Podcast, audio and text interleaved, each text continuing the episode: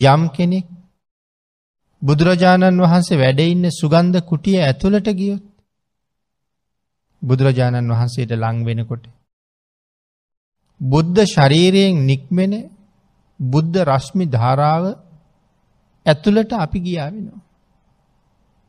බුද්ධ රශ්මිය විහිදෙනවා අපි භාගිතුන් වහස ළඟ ඉන්නවා අපිව පහු කරලා රශ්මිය යනවා. අපේ ඇගෙත් ඒ රශ්මිය වැදෙනවා. තැන් අපි භාගිතන් වහසගේ රශ්මි කදම්බේ ඇතුලේ ඉන්නේ. ඉති එහෙම ළඟට ලංවෙන්ඩ සංසාරය හුඟාක් පින් තියෙන්ට ඕනේ. හැමෝටම බුදුරජාණන් වහස ළඟට යන්න බෑ. සසර මහා පුුණ්‍යවන්තයෝ තමයි ළඟටම ගිහිල්ල වැන්න. නමුත් දුරයිඳලා වැන්ද කියලා ආනිසන්සේ අඩුවක් අඩුවක් නෑ හිත පැහැදීම ළඟ තමයි ඒ උසස් භාවය සහ පහත් භාවී තියෙන්. ආනිසංසය අඩුද වැඩිද කියන එක තියෙන්නේ හිතේ පැහැදීමත් එක්. නමුත් ලැබුණොත් රශ්මි කදම්බේ ඇතුළටම ගිහිල්ල වඳින්ට කොයි තරං ශ්‍රද්ධාවෙන් වඳීද. ආං එදා හිත පහදවගත්ත හැටියට චෛත්‍යරාජාණන් වහන්සළඟ බෝධීන් වහන්සළඟ පිළිම වහන්සළඟ වඳින්ඩත් පුළුවන්. සරුවඥ ධාතුන් වහන්සළඟ වඳින්නත් පුළුවන්. එහෙනම් භාගිතුන් වහන්සේට වඳින්ඩ එදත් අදත් අපිට බාධාවක් තියෙනවද අඩුපාඩුවක් තියෙනවද හරියට හිත පහදුවල වැන්දුත් ලැබෙන ආනිසන්සේ කොච්චරද කියන කාරණාව අපට දැන් මේකෙන්ම වැටහෙනවා. නමුත් පිනතින අපි ගැන කල්පනා කරල බැලුවොත් අපි පිනතුන් හිතන්නකෝ අපි බුදුරජාණන් වහන්සේට දවසේ කී පාරක් වැන්දද.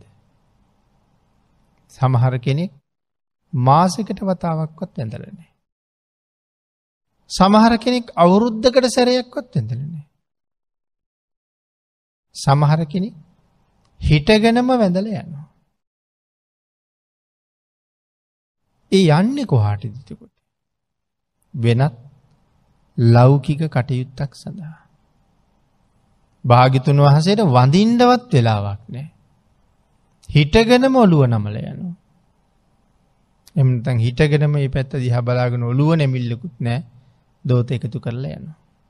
නමුත් සසර දුක් සසර බය අපිට සම්පූර්ණයෙන්ම කියල දුන්නේ බුදුරජාණන් වහන්සේ.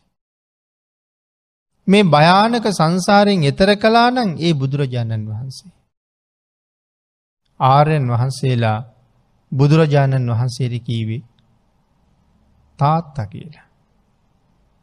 අපි පිනතුන්ට මතකද මූලාශ්‍රයක් දෙකක් මතක් කළු. අර කුක්කුට මිත්ත කියන වැද්දගේ බිරිඳ වැද්දයි වැද්දගේ දරුව ටිකයි බුදුරජාණන් වහන්සේට විදින්ඩ දුනුහි නගාගෙන ඉන්න වෙලාව දැකලා කාටද මේ අය විදින්ඩ ලෑස්ති වෙන්නේ. බලහම බුදුරජාණන් වහන්සේ වැඩඉන්න. ඒ වෙලාවෙ කෑගහල කීවේ මගේ තාත්තා මරන්න එපා මගේ පියාණන් මරාගණ්ඩ එපා කියල කෑගෙව්ව. පියාණන්ට විදින්ට එපා කියල. එතකොට බමු වැද්දත් වැද්දගේ දරුවොත් කල්පනා කලා අනේ මේ මගේ මා මණ්ඩිද.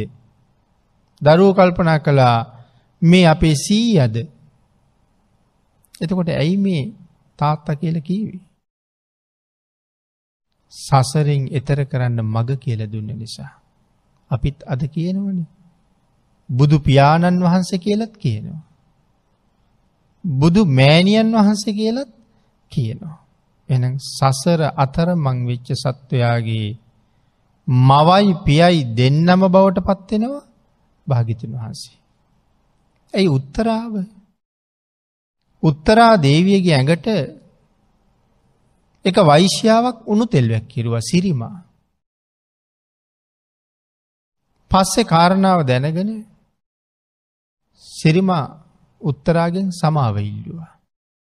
උත්තර සඳහන් කළා මගෙන් සමාව ගත්තට වැඩක් නෑ.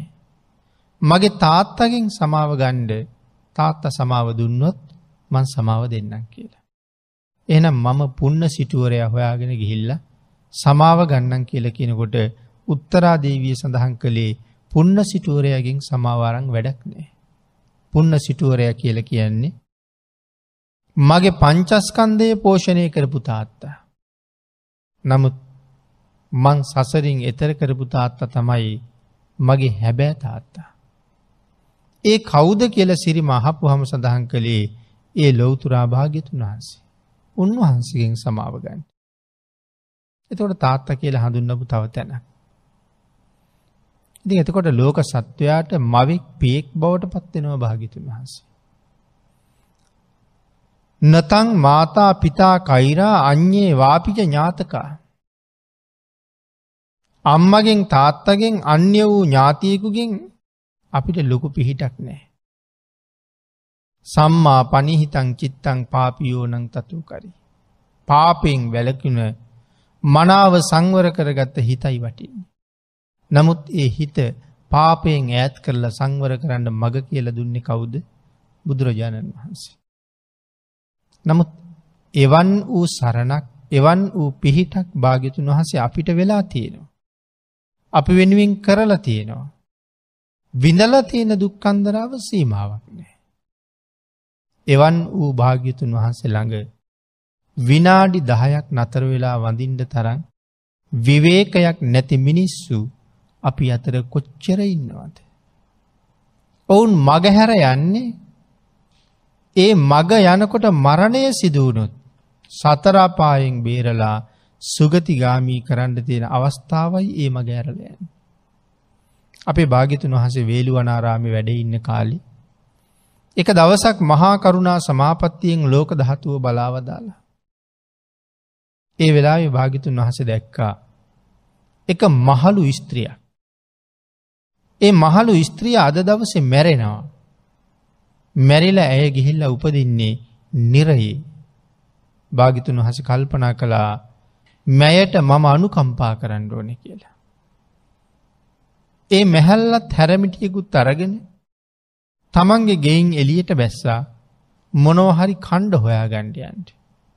බුදුරජාණන් වහන්සේත් භික්‍ෂූන් වහන්සේල පිරිවරාගෙන සුගන්ධ කුටියෙන් එලියට වැඩිය පිණ්ඩ පාති වඩින්ට. අර මැහැල්ල එන පාරි භාගිතන් වහස ඉස්සරහට වඩිනවා. මැහැල්ල මගදි මුණ ගෙහුණා. බුදුරජාණන් වහන්සේ මැහැල්ලගේ ඉස්සරහ හිටගත්තා. නතර වුණා. භික්‍ෂු මහසංගයා බැලුව ඇයි භාගිතන් වහස නතර වුණේ. එතන හිටිය මහමුගලන් මහරහතන් වහන්සේ. උන්වහස කල්පනා කරලා බලහම. උන්වහස දැනගත්ත මේ නතර වුණේ මෙ මැහැල්ලට පිහිට වෙන්ඩ. උන්වහස මැහැල්ලට කතා කළා. කතා කරල කියනවා මේ ඉන්න ලොවතුරා බුදුරජාණන් වහන්සේ. ඔබ අද මැරෙනවා. ඔබට පිහිටක් වෙන්ඩයි භාගිතුන් වහස අද මේ පැත්තිෙන් වැඩලයින්නේ වන්දනා කරගන්නට. ඇයට ලොකූ සංවේගයක් ඇති වුණා. අද මැරෙනවනේ. මැරෙන මරණ බය මරණ දුක ඇයට හොන්තටම දැනෙන්ට ගත්තා. ඇය බුදුරජාණන් වහන්සේට පසඟ පිහිටවල වන්දනා කළා.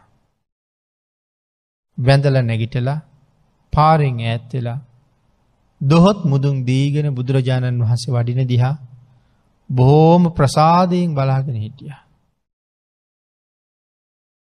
කලබල වෙච්ච තරුණ එල දෙෙන හදිසියේම ඒ මැහැල්ලට ඇන්ල මරල දැම්ම. මරණයත් සමගම ඇය ගිහිල්ලා දිවිය ලෝකෙ දිව්‍යාංගනාවන් දහසක් පිරිවරාගෙන උපත්තිය ලැබවා. එතකොට ඇය මැරිලා යන්න හිටිය නිරේට.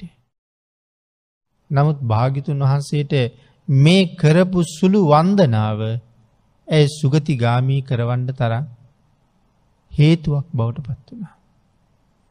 එහෙමනම් සල්ලි මිලමුදල් වියදන් කරලා ආරාම හදල පන්සල් හදලා ලොකූවට දානමාන දීල මහාකුසල් රැස්කරගණ්ඩ අවස්ථාවක් සසර ලැබිල නැතත්. ආර්ථික අපහසුතා මධ්‍යයේ ඉපදිලා ඉන්නව නමුත් හිත පහදවාගෙන මේ රත්නත්‍රය වන්දනා කරනවනං යම් කෙනෙක්. ඔවුන් මොන තරන් තමන්ගේ ආත්මයට සාධහරණයක් කරගත්ත වෙනවාද. සතර අපායට පිටුපාණ්ඩ ඉතාම පහසු අවස්ථා කොච්චර මේ ශාසනය පෙන්නලා දීල තියෙනවාද.